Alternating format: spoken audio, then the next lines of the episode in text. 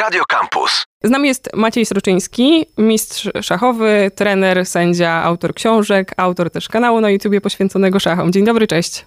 No cześć, witam wszystkich słuchaczy. E, cieszę się, że wśród tych aktywności, które wymieniłam, znalazło się jeszcze miejsce i czas, żeby obejrzeć Gambit Królowej, czyli serial, który ostatnio jest e, szalenie popularny. Mam wrażenie, że ściąga całkiem sporo ludzi przed ekrany telewizorów czy komputerów i zastanawiam się, czy to rzeczywiście będzie taka produkcja, która może e, zachęci trochę większą liczbę ludzi do tego, żeby sięgnęli po szachy? Czy już jakieś efekty popularności tego serialu w środowisku szachowym widać? No zdecydowanie. No, mogę nawet sam po, po sobie powiedzieć, że y, przez ten serial po prostu założyłem Netflixa. Z tego, co słyszałem, to sprzedaż szachów wzrosła aż o 273%. Oczywiście to, jest, to są pewnie jakieś badania na jakimś konkretnym y, sklepie szachowym, w każdym razie widzę bardzo dużo zapytań takich zarówno do mnie prywatnych, e, zarówno o lekcje, jak i o moje książki szachowe.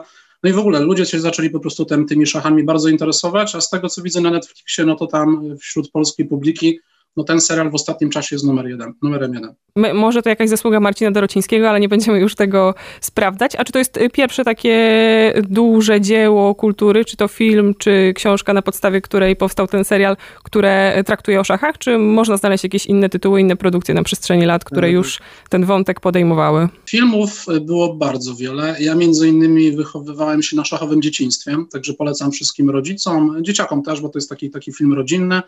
E, w ostatnim czasie, między innymi w Warszawie, był nagrywany z Billem Pullmanem Ukryta gra. Też bardzo, bardzo fajny film, osadzony w takich realiach walki po prostu Stanów Zjednoczonych ze Związkiem Radzieckim, a oni to z kolei przełożyli na taki mecz między, między przedstawicielem po prostu Stanów Zjednoczonych i przedstawicielem Związku Radzieckiego. E, był też bardzo dobry serial Pionek, no musiałbym jeszcze gdzieś tam sięgnąć do pamięci, ale sporo było tych filmów, ale nie było serialu. Tutaj e, to faktycznie jest e, po raz pierwszy, e, także siedem odcinków, także szachiści mają no, na pewno powody do dumy, a tak jak mówiliśmy wcześniej, zachęci to z pewnością wiele innych osób, żeby tymi szachami się zainteresowali. Powody do dumy to pewnie raz, ale wyobrażam sobie, że oglądają go i bardzo mocno skupiają się na wszystkich ruchach po szachownicy, które są tam y, pokazane. Czy one rzeczywiście y, rzetelnie i, i, prawdziwie pokazują y, to, jak można się po szachownicy poruszać? No tutaj sprawdziłem to, jestem osobą bardzo dociekliwą, także tutaj pod względem szachowym sprawdzałem każdy odcinek, także mm, możecie sobie to zobaczyć no właśnie na moim kanale na YouTube w którym w każdym odcinku sprawdzałem każdą pozycję szachową i muszę tutaj przyznać, że w skali od 1 do 6 dam tutaj reżyserowi 5, e, ponieważ pozycje nie dość, że są e, prawdziwe, także wydaje mi się, że aktorzy po prostu wyuczyli się tych sekwencji na pamięć, ale to też są takie bardzo fajne partie, które możemy my, szachiści, analizować. E, także tutaj po, pod tym względem na pewno, na pewno jest dobrze. A czy są to jakieś y, legendarne partie, które można znaleźć już wcześniej w historii rozgrywek szachowych? Jakby czyimi ruchami posuwa się Bef Harmon po szachownicy? Tak, dokładnie. To są, to są partie wielkich mistrzów, mistrzów świata. E, także no tutaj, tutaj między innymi konsultantem do tego filmu był Bruce Pandolfini oraz sam Gary Kasparow, czyli mistrz świata, taka ikona szachowa która obecnie nie gra tak zawodowo w szachy, e, ale na pewno wiele osób to, to, to nazwisko kojarzy, chociażby ze słynnych meczów Karpow-Kasparow. E, serial nawiązuje do lat 60., ale te realia, zwłaszcza to prywatne albo takie około zawodowe życie szachistów wydaje się dosyć takie spektakularne, na pewno bardzo dostatnie.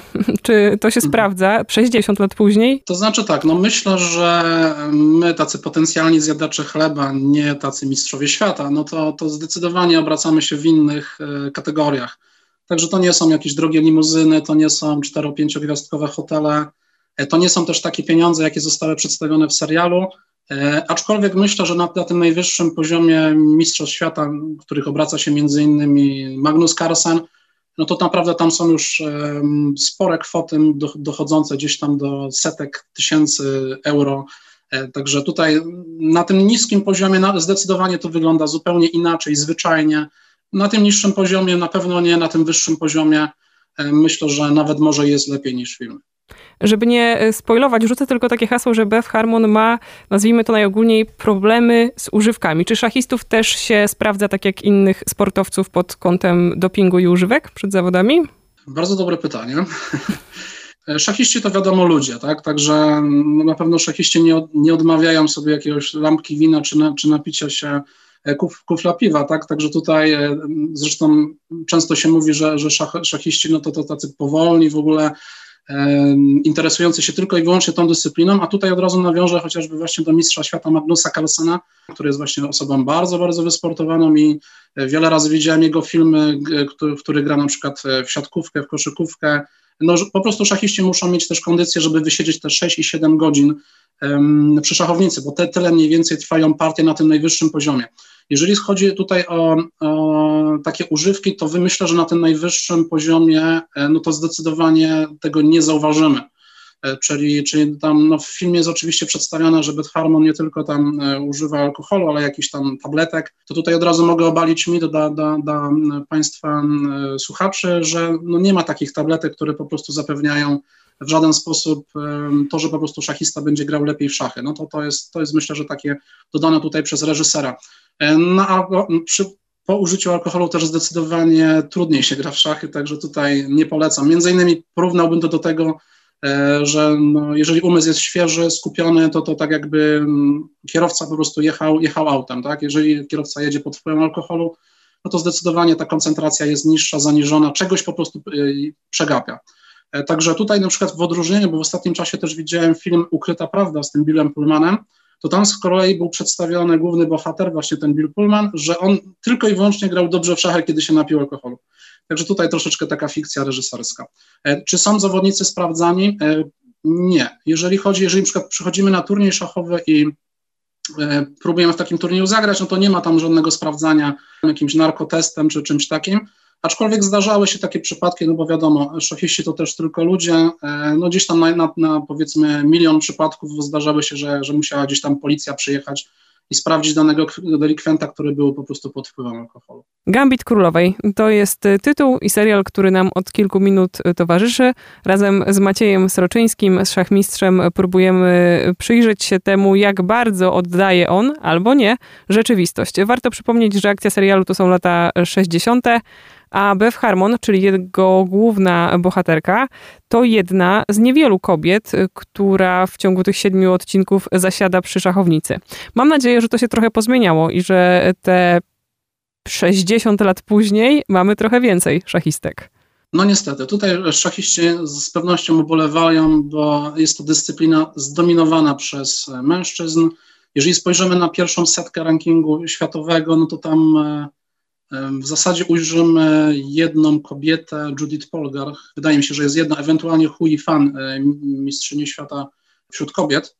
Ale w każdym razie no bardzo ciężko jest po prostu kobietom nawiązać rywalizację w, z mężczyznami. Także mało jest e, kobiet, które, które grają w szachy już na takim wyższym poziomie. Myślę, że proporcje są tak 9 do 1, a nawet może i 9,5 do pół. To, co zarzucają jej e, koledzy szachiści, to na przykład to, że ubiera się zbyt e, strojnie. Czy jakaś taka etykieta obowiązuje szachistów biorących udział w turniejach? Są jakieś wytyczne, jak powinno się zasiąść ubranym do szachownicy? Tak, na najwyższym poziomie, czyli na przykład finały Mistrzostw Polski kobiet przed mężczyzn, to tam są takie wytyczne dress code, no faktycznie, żeby te wszystkie ważne części ciała zostały zakryte, e, ale jest taki, jest taki dress code, który może wyznaczyć organizator albo na przykład międzynarodowa jakaś organizacja FIDA, która e, po prostu wyznacza, że na tym turnieju gramy właśnie w takim ubiorze, że najczęściej mężczyźni garnitury, ewentualnie marynarki, a kobiety, no jak to kobiety zawsze się bardzo, bardzo ładnie ubierają,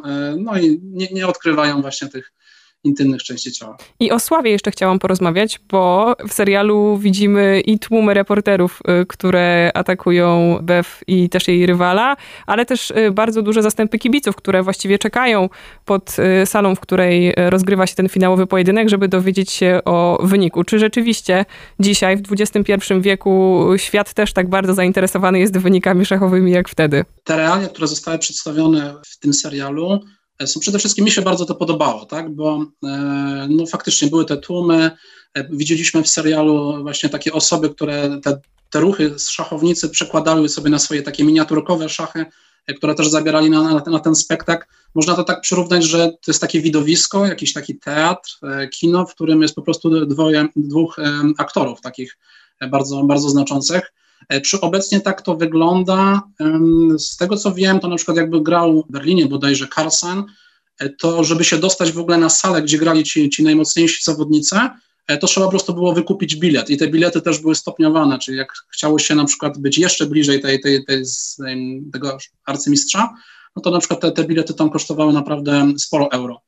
E, także e, obecnie jednak e, to życie się tak kibiców przeniosło zdecydowanie bardziej do internetu, także jak są jakieś widowiska szachowe, to po prostu to organizator organizuje taką, taki tak zwany stream z, koment- z jakimś takim studiem komentatorskim. Dwóch zawodników rozgrywa swoje pojedynki, no i ci komentatorzy też analizują to na jakiejś osobnej szachownicy. Także no mogę tutaj powiedzieć, że jak na przykład streamuje Hikaru Nakamura i nie streamuje jakiegoś bardzo ważnego wydarzenia, no to tak naraz ogląda go na przykład 10 tysięcy osób, no to myślę, że to już jest publika całkiem zacna. Chciałam jeszcze zapytać może o taki rodowód szachów albo takie pewne stereotypowe podejście, bo można sobie tak myśleć, że to jest gra dla introwertyków, że ci szachiści to takie klasyczne nerdy, ludzie wyizolowani, zamknięci, pewnie też bardzo inteligentni, czego oczywiście nie odmawiam. A to, co wydaje mi się, że Gambit Królowej też y, trochę pokazuje, to szachy jako taki sport uliczny. To znaczy w Moskwie, kiedy BF wychodzi z turnieju, spotyka na ulicy starszych mężczyzn grających w szachy. Kiedy jeździ, ja na przykład z Hiszpanii mam takie wspomnienia, to też widuje się jednak te szachownice y, rozstawione gdzieś po mieście, czy też wbudowane w przestrzeń publiczną, w parkach, na skwerach, na placach. Y, które podejście tobie jest bliższe? Ja myślę, że w ogóle taka, taka bardzo dobra sentencja, które, którą, którą FIDE, takie motto, to jest gens una sumus, czyli jesteśmy jedną wielką rodziną. E, także ja też e, podróżując troszeczkę po Europie, e, to między innymi poznałem wielu, wielu bardzo fajnych ludzi przez szachy, tak? Nie znając na przykład języka, siadaliśmy do, do jakiejś wspólnej szachownicy, tak jak powiedziałaś, na przykład w jakimś parku albo na jakimś skwerze. No i znamy język, tak? Ten język szachowych figur, dlatego można było między innymi no, poznać wielu ciekawych ludzi.